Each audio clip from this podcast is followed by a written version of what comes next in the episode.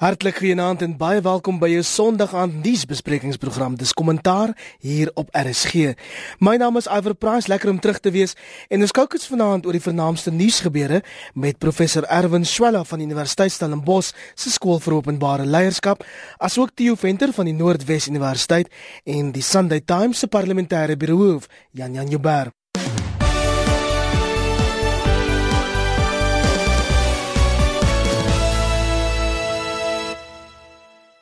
Kollegas, ons begin vanaand by president Jacob Zuma se repliek op die debat oor sy staatsrede en anders as wat sommige voorspel het, was daar toe geen vuurwerk nie. En Jan Jan, sommige sê hulle het selfs 'n staatsman in aksie gesien, 'n staatsman bygesê wat 'n week van tevore nog lekker uit sy maag gelê en lag het vir die oppositie. Ja, jy weet ons lewe in 'n tyd van kitsmenings, jy weet met sosiale media ensovoorts en dit is vir my verstommend hoe mense hulle voorkeure na die wind draai. Uh, in hierdie geval ook na die bewind draai, né? Want ek dink nie dis dat president Zuma in 'n week verander het nie. En ek het ook nie daardie toespraak so 'n sta, uh, um, uh, staatmanskap um toespraak gevind nie. Ek het gereken dit was eintlik vir my in elk geval en ek sou graag wil weet wat almal anders oor uh, gehoor het en en ervaar het was dit nogal meer buigend geweest teenoor teenoor Afrikaners op wie op wie daardie deel wat nou die meeste in die nuus was gemik was. Maar dit was vir my so half van ons sal julle nou maar verdra want julle is nou hier die geskiedenis is die geskiedenis maar wie dit in die eerste plek opgehaal het was hy hier in Kaapstad. So ek is nie so oortuig soos almal anders nie. En die punt is die man was in 'n hoek vasgeverf. Hy moes op een of ander manier uitkom uit daai hoek uit. Toe praat hy met sy kernkiesafdeling wat wel interessant was om te sien uit die uit die persgalery was gewees hoe dat die ANC-lede dit opgeslurp het. Hulle het sy sinne vir hom klaar gemaak uit regheid na hulle harte toe gepraat. So staatsman se rede, ek weet nie heeltemal daarvan nie, maar suksesvolle politieke skuif definitief na my mening. Meneer Zuma het omtrent elke oppositieleier op die naam aangespreek tot die agbare Julius Malema bedank vir die respekvolle wyse waarop hy glo gedebatteer het, maar het niks gesê op Musi Maimani van die DA se nogal my mening indrukwekkende toespraak nie, Theo. Ja, ek dink Musi Maimani net van hom 'n oomblik te praat voor ek reageer op jou vraag. Hy groei met rasse skrede as parlementariër. Hy het baie met met baie min ervaring in die parlement gekom en en hy is besig om met elke toespraak beter te word. Wat hom goed maak is dat in die parlement het jy baie tyd om te praat, maar jy het ook, ook eintlik min tyd om te praat. En as jy jou sinsnedes kan maak dat hulle dat hulle um, deur die media en deur al die ander mense wat daarna luister ontvang kan word, goed onthou kan word en herhaal kan word, dan is jy besig om suksesvol politiek te voer. My man het dit reg gekry en ek stem met Jan Jan grootliks saam. Zuma was sedert verlede week in 'n politieke hoek. Hy moes op een of ander manier daar uitkom en ehm um, ek dink dis doelbewus dat hy probeer het om nie vir my man net te antwoord nie want dit is baie moeilik geweest om op daai sinsnede van 'n gebroke leier in 'n gebroke land en alles wat daarmee gepaard gaan behoorlik te beantwoord en ehm um, ek dink ook dat die ANC het nie alleen het hulle met Zuma se toespraak ehm um, sagter gereageer nie, maar 'n mens moet en ons seker later daarby uitkom ook na Mbete se verskoning kyk ehm um, wat sy aangebied het vir vir uh, Malema. Dis alles deel dink ek van van 'n van 'n diep beplanning wat erns oor die naweek ehm um, uitgevoer moes word wat gesê het kerels ons is besig om hier heeltemal die boot te mis. As ons nie ons boodskap gaan verander want ons praat nie net met ons ander 400 parlementariërs. Ons praat met die land en ons praat met 'n baie groter gemeenskap. Ons sal iets moet doen aan hoe ons ons kommunikasieveld tog voer. Ek dis maar hoe ek die ding sien, maar my manie moet ons regmerkie gee erns langs die pad. Erwin wil jy daarop reageer en dan wil ek jou ook vra om bietjie te kookus oor die regering se reaksie op die gebruik van 'n selfoonversteuder tydens die staatsrede. Ja, die staatsrede is so 'n bietjie van 'n uh, uh, die terminologie is heeltemal reg nie want dit het lyk my nie veel gegaan oor oor oor die staat of oor oor rede nie. Ehm um, dit blyk dat uh, dit maar nog politieke geleentheid geword het uh, vir die uh, ANC om hulle politieke standpunte baie sterk te stel. Dis interessant mense natuurlik die staatsrede en daarna het jy ook die reaksie van die president nou ehm um, in die staatsrede self ehm um, het ons al die drama gehad en uh, daar was 'n groot verwagting van verdere drama tydens die uh, repliek. Dit het toe nie gebeur nie. En die president het uh, baie vaardig dink ek in terme van uh, retoriese tegniek met die oppositie omgegaan. Interessant genoeg dat hy uh sover as moontlik weggebly het van persoonlike kritiek en dit het op 'n manier die indruk geskep dat hy veel meer presidensieel en en staatsmans uh, uh eienskappe aan die dag gelê het. Terselfdertyd was dit interessant dat hy meneer Maimani heeltemal geïgnoreer het. Dit was natuurlik ook baie doelbewus so gedoen. Eintlik uh, sê dit mos nou dat meneer Maimani se standpunt is nie eers werd om op gereageer te word nie. So ehm um, mense moet gaan kyk na die na die na die inhoud van die die aanvanklike staatsrede wat dan ontwrig is.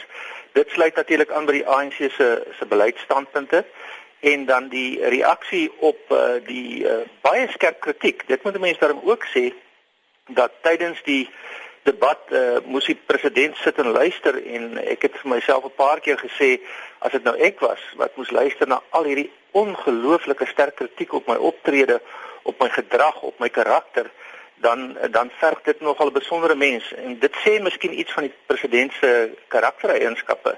Dit lyk asof hy uh daar kan sit, hierdie goed aanhoor en dit op 'n manier verwerk dat dit lyk asof hom glad nie raak nie, maar kan nie dink dat dit nie 'n uh, 'n uh, 'n mens kan raak nie. Wat die ehm um, die die die sein in die parlement betref, Nou ja, uh, dit is net so 'n uh, skandalige poging uh, deurlopend in die sin dat dit in die eerste plek glad nie moes gebeur het nie. Ehm um, die parlement is die plek waar uh, die debatte gevoer moet word in nasionale belang en die nasionale en en uh, Suid-Afrikaanse rolspelers. So hoe 'n mens kan dink dat die parlement op dië manier gehanteer moet word en dat daar nie inligting in die parlement kan kom nie. Dis juist waaroor dit gaan. Die verskonings is eintlik in 'n sekere sin vergelykbaar erbarmlik. Ehm um, uh dis tog baie duidelik dat uh, uh hierdie soort toerusting nie in die parlement kan ingebring word sonder die toestemming van parlementêre amptenare en uh, hoë vlak politici nie.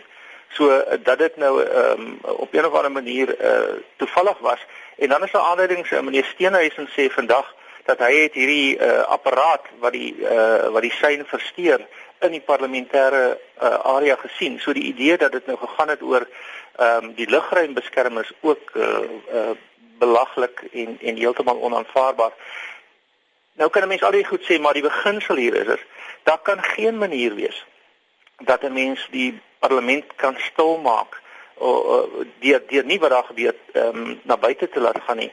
Ehm um, en laastens het ons dan nou die versekering van die president wat sê dit sal nooit weer gebeur nie.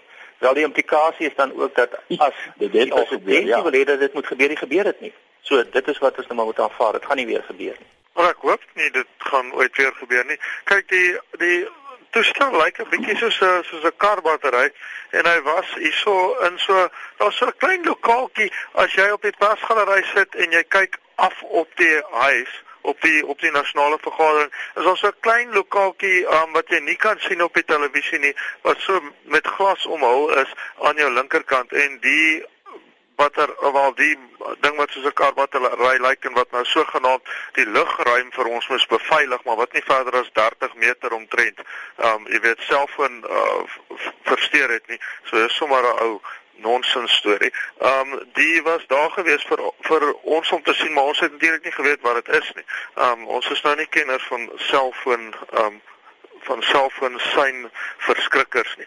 Ehm um, so dit was daar en en dit het gebeur. En my gevoel is nie dat enige iets in die Suid-Afrikaanse demokrasie gebreek het daardie dag nie.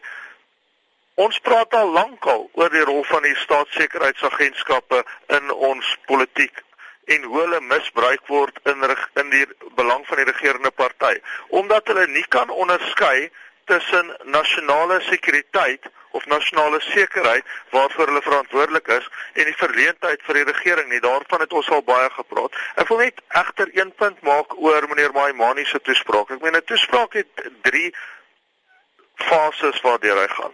Hy moet geskryf word, dan moet hy geoefen word en dan moet hy gelewer word. En ek sal sê meneer Maimani sal 'n uitstekende parlementariër wees die dag wat ek hom werklik in debat sien funksioneer. Dat hy 'n uitstekende spreker is, kan tog nie 'n verrassing wees nie. Hy's 'n prediker. Hy kan uh, enige enige preek kan hy aflees, enige toespraak kan hy baie goed aflees. Hy's totaal teksgebonde. Nou daarmee neem ek niks weg daarvan dat dit 'n uitstekende teks was deur wie ook al dit geskryf het nie en dat dit baie goed geoefen is en baie goed gelewer is nie. Maar eweseer as wat ek nie sal sê president Zuma is 'n staatsman omdat hy 'n kalmer en miskien effe minder persoonlike toespraak gelewer het nie, sal ek 'n rukkie wag voordat ek beweer dat meneer Maimani nou skielik hierdie vreeslik groeiende leier is.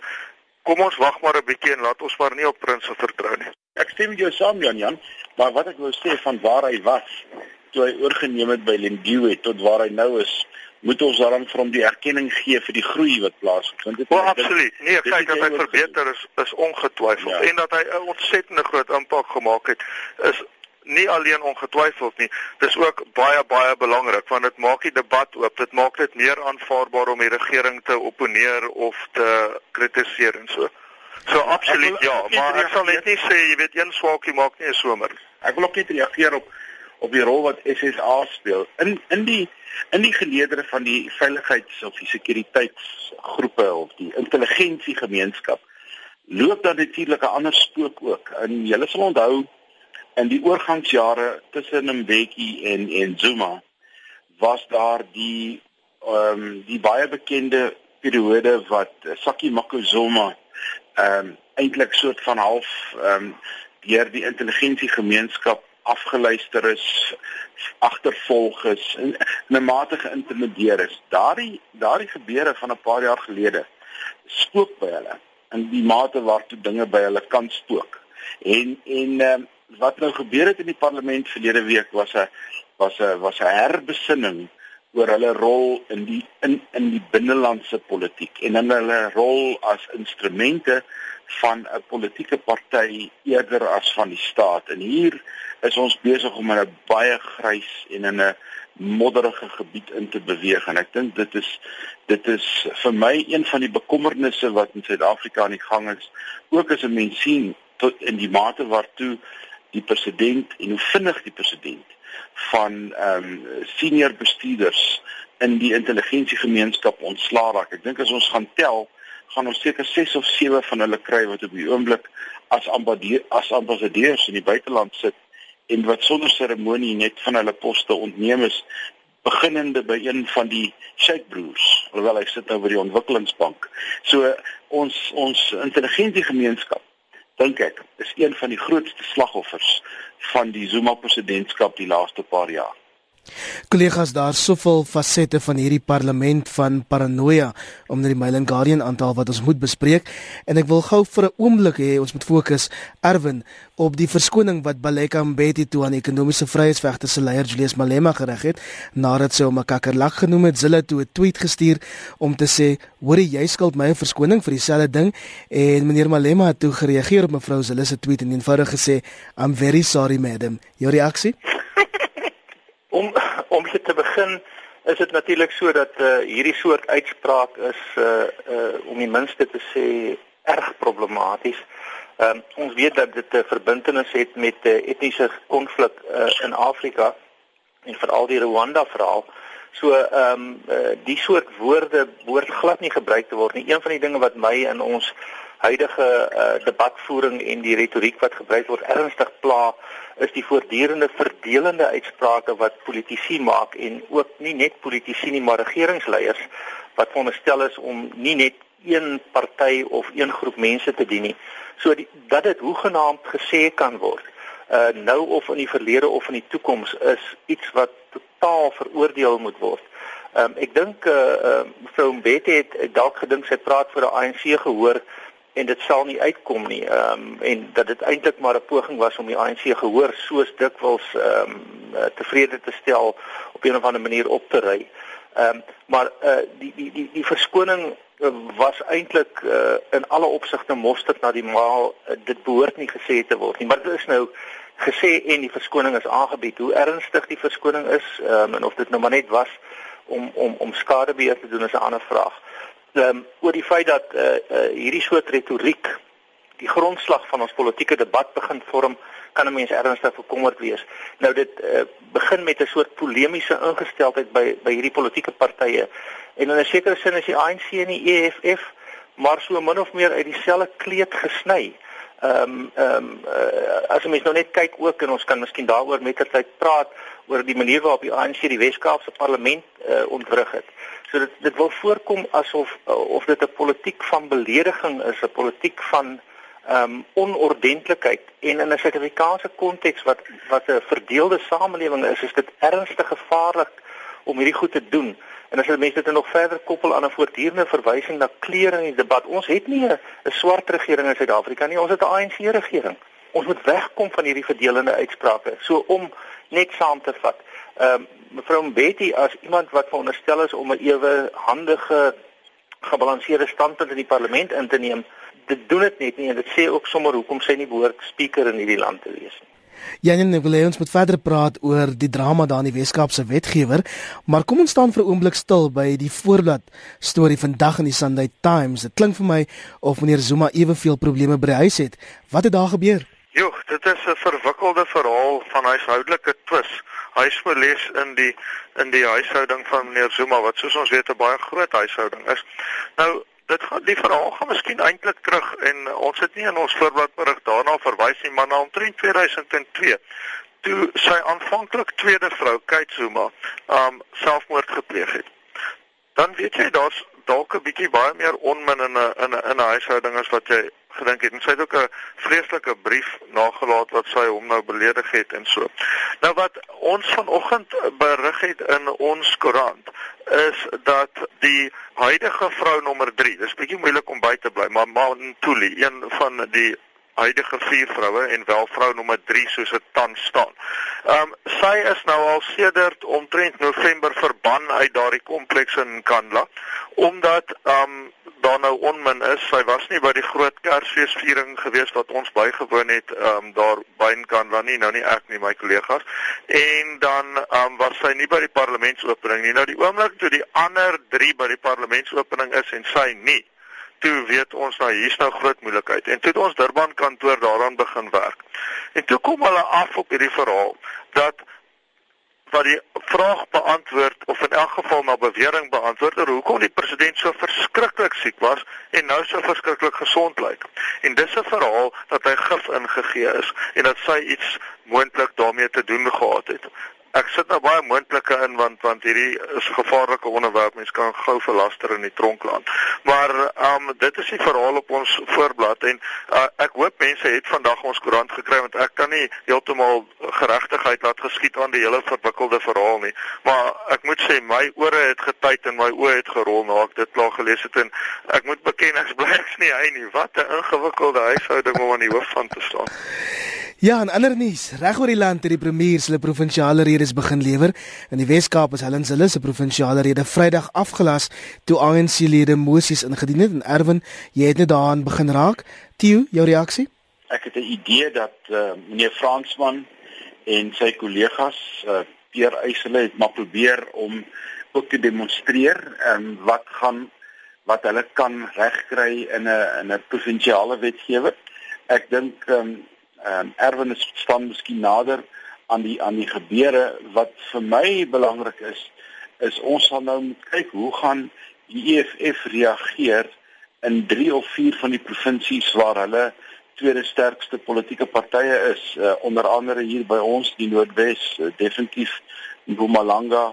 Um, ons sal Gauteng moet dop dis almal die provinsiale redes wat hierdie week en volgende week gaan plaasvind. So ek is bevrees dat wat ehm um, die ANC begin het in die Weskaap gaan oorspoel na die ander ehm um, redes toe ook en dit kan dus 'n 'n verlengstuk word van wat ons in die parlement gesien het nog 'n onverkoeklike storie ehm um, in die Suid-Afrikaanse politiek.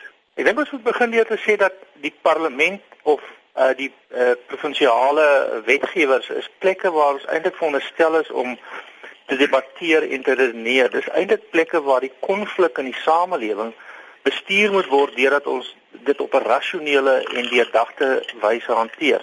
So ons uh, moet verseker begin ernstig kyk na die manier waarop binne hierdie praathuise omgegaan word met rasionaliteit, met redenasie, met uh, die hantering van die konflik. Uh, Daar's die ou gesegde wat sê dat as jy van die ballet af weg beweeg dan beweeg jy na die bullet toe.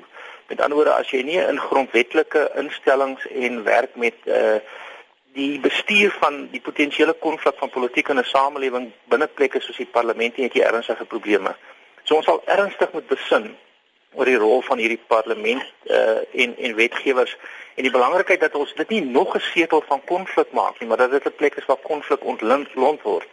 Nou dit gesê wat die Weskaap betref, uh, lyk dit my die ANC leierskap is net in so 'n desperate poging om op verskillende maniere hulle dilemma en verleentheid te hanteer. Hulle het probleme ehm um, met die met die nasionale leierskap. Hulle het probleme met met die Weskaapse kiesers en uh, dit lyk my dit is 'n geval van benoude katte wat benoude spronge maak. En dan as 'n mens daarna gaan kyk, dan is dit ook interessant. Uh, ek het 'n uh, 'n uh, uitspraak van meneer Gwadi Mantashe op opgespoor wat eintlik sê wat ek dink behoort gesê te word, naamlik dat 'n mens uh, die parlement se decorum, die departement die parlement se waardigheid moet moet moet moet intact hou. Ehm um, en en waar hy ernstige kritiek gehad het teenoor die EFF uit die hoek van die ANC en ek het toe 'n vraag gevra op sosiale media.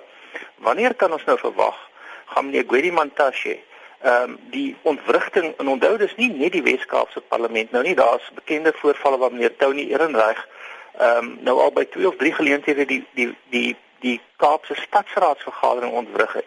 Nou dit lyk my net so 'n 'n 'n absolute dubbele standaarde as die as die EFF dit in die nasionale parlement doen is dit 'n ernstige probleem wanneer die ANC dit dan hier in die Weskaap doen uh, en in die Kaapse Stadsraad is dit nie 'n probleem nie.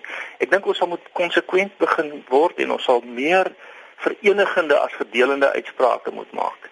Ehm um, ons stuur af op 'n groot probleem met sosiale kohesie en met konflik. Ons moet sal moet wegkom van van beklei praat na eintlik veel meer uh, vredespraat. En ek stem met jou saam uh, dat dit die beginsel en dat dit die, teorie is, maar ek dink die intensiteit van die politieke verskille tussen die EFF en die ANC is op die oomblik van so 'n aard dat ek soms die DA jammer kry dat hulle so half verbaasde toekykers is en ook die ander kleiner partytjies na hierdie na hierdie amper eksklusiewe konflik wat ek wil ek wil self sê die konflik tussen Malema en Zuma wat wat die twee partye in 'n sekere sin um uh heeltemal absorbeer en eers langs die pad is daar groter vraagstukke as dit die alternatief is dat um hierdie onderlinge geskil moet op een of ander manier hanteer word en dit bly maar dink ek alles kom terug na die president se respons op kritiese vrae en die president se respons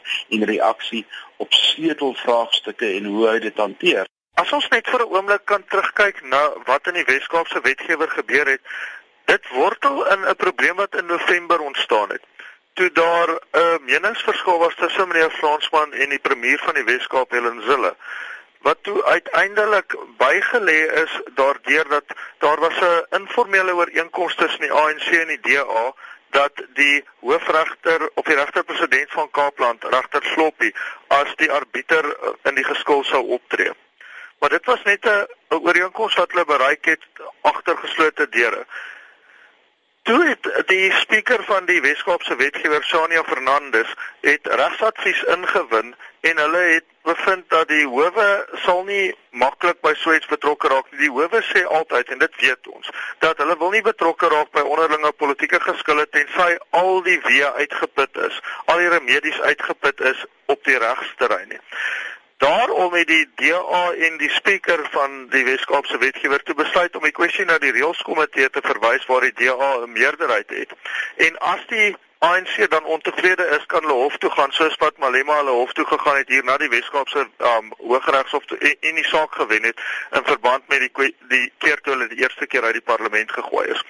So waaroor die ANC ontevrede is, is dat die DA nie woord gehou het soos hulle dit sien in daardie daardie ooreenkoms wat hulle bereik het nie en wat die DA sê is maar ons kan nie want dit moet um terug verwys word na die reëlskomitee voor dit hof toe kan gaan. En dis waar dit nou alles ontstaan het.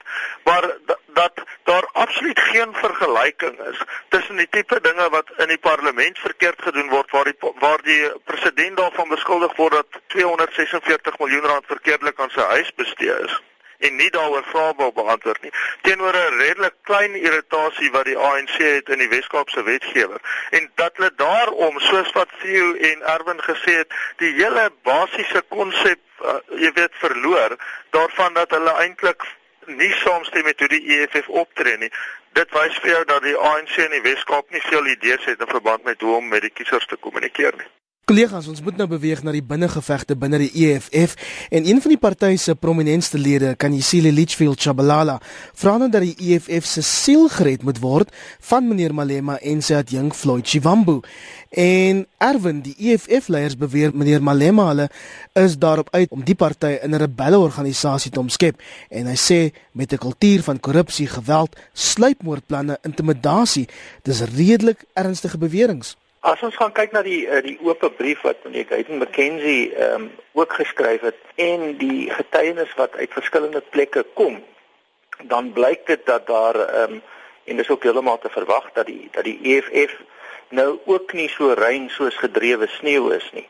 So dit dit skep 'n klomp uh, moontlikhede vir vir konflik. In die vorming van 'n politieke beweging is dit gewoonlik sodat mense wat 'n bepaalde ideologie of 'n bepaalde stel idees steun dat hulle mekaar dan vind en mobiliseer op grond daarvan. Nou wat dit betref het die het die EFF 'n redelike uh, ideologiese basis. Met ander woorde daar is dinge waar rondom jy kan mobiliseer. Maar dan het jy ook leierskap en leierskapspersoonlikhede. Nou uh, dit is mos nou duidelik dat meneer Malema uh, op die beste om 'n diplomatieke terme term, term te gebruik 'n interessante persoonlikheid het. As 'n mens gaan kyk na die manier waarop hy met mense praat en omgaan, vanaf die kokkerot beweringe teenoor mevrou Zille destyds en so ook uh, as jy as jy sal onthou die slag met die Britse joernalis. Hmm. So meneer Malema gaan op een of ander manier kontroversieel wees en meneer Shivambu is 'n kortkop agter hom. En die implikasie is dus dat uh, die soort bekleierery wat jy na buite optel, gaan jy mos nou oor, oor tyd ook na binne optel. En uh, as jy nou 'n relatief uh, koherente en kom ons sê ook 'n uh, eerlike uh, en, en en en ja, etiese optredes het, um, dan het jy ook minder probleme, maar die kombinasie van die kwessies wat daar onverwendbaar is plus meneer Malema se styl kan nie anders as lei tot situasies waar uh, waar hy in konflik en en uh, bestredenheid, omstredenheid uh, gaan verval nie. En so 'n mens kan gevegte verwag en en en dit sal so voortgaan. En weer eens as 'n mens gaan kyk na die, die punt wat ek net nou gemaak het, dit kom eintlik maar ook uit die ANC kultuur. Die die ANC en die EFF is wat dit betref uit die dieselfde kleed gesny. Dis dis dis dis 'n soeke na na ehm um, forme van polemiek, ehm um, konflik, ehm um, ernstige meningsverskille met ander groeperinge. Nou verskil hulle met mekaar en later met mekaar onderling ook. So die kultuur binne die organisasie en die party kan nie anders as om ook konflik na binne te skep uh nie dit doen dit in elk geval ook na buite. Ja, ek stem saam. Die EFF is 'n samevoeging van 'n klomp heethoofde en dit was 'n kwessie van tyd voordat die onderlinge verskille ehm um, verder gaan gaan uit gaan uitbrei en en en afskoffing gaan plaasvind. Een van die interessanthede van die politiek is dat soos wat 'n mens wegbeweeg van die middelgrond af na die na die kante toe van die politieke spektrum regs of links, kry jy noodwendig 'n fragmentering. Um, ek onthou nog baie goed die dae voor 94 en net na 94 toe daar iets soos 38 na 40 verskillende regse groeperinge was wat mense in Hebreë net die regterkant sou noem. Want elke elke sterk leier elke man met 'n sterk opinie word dan uiteindelik 'n party van sy eie. En die politieke linkerkant lyk nie veel beter nie. Ons het ons het vers, in die in die in die in die ou dae het ons basies een party gehad wat die vlag vir die linkerkant vasgehou het en dit was die PAC. Vandag is die PAC 'n vergete entiteit in ons politiek en het daar 'n klomp ander ingekom en soos wat NIMSA verder na links gaan beweeg, gaan hy groter druk plaas op die EFF en moontlik verdere verdelings en verspreidings. So nie wat wat ons sien is normaal in die politieke ehm um, proses waar jy aan die aan die kante van die politieke spektrum probeer konsolideer.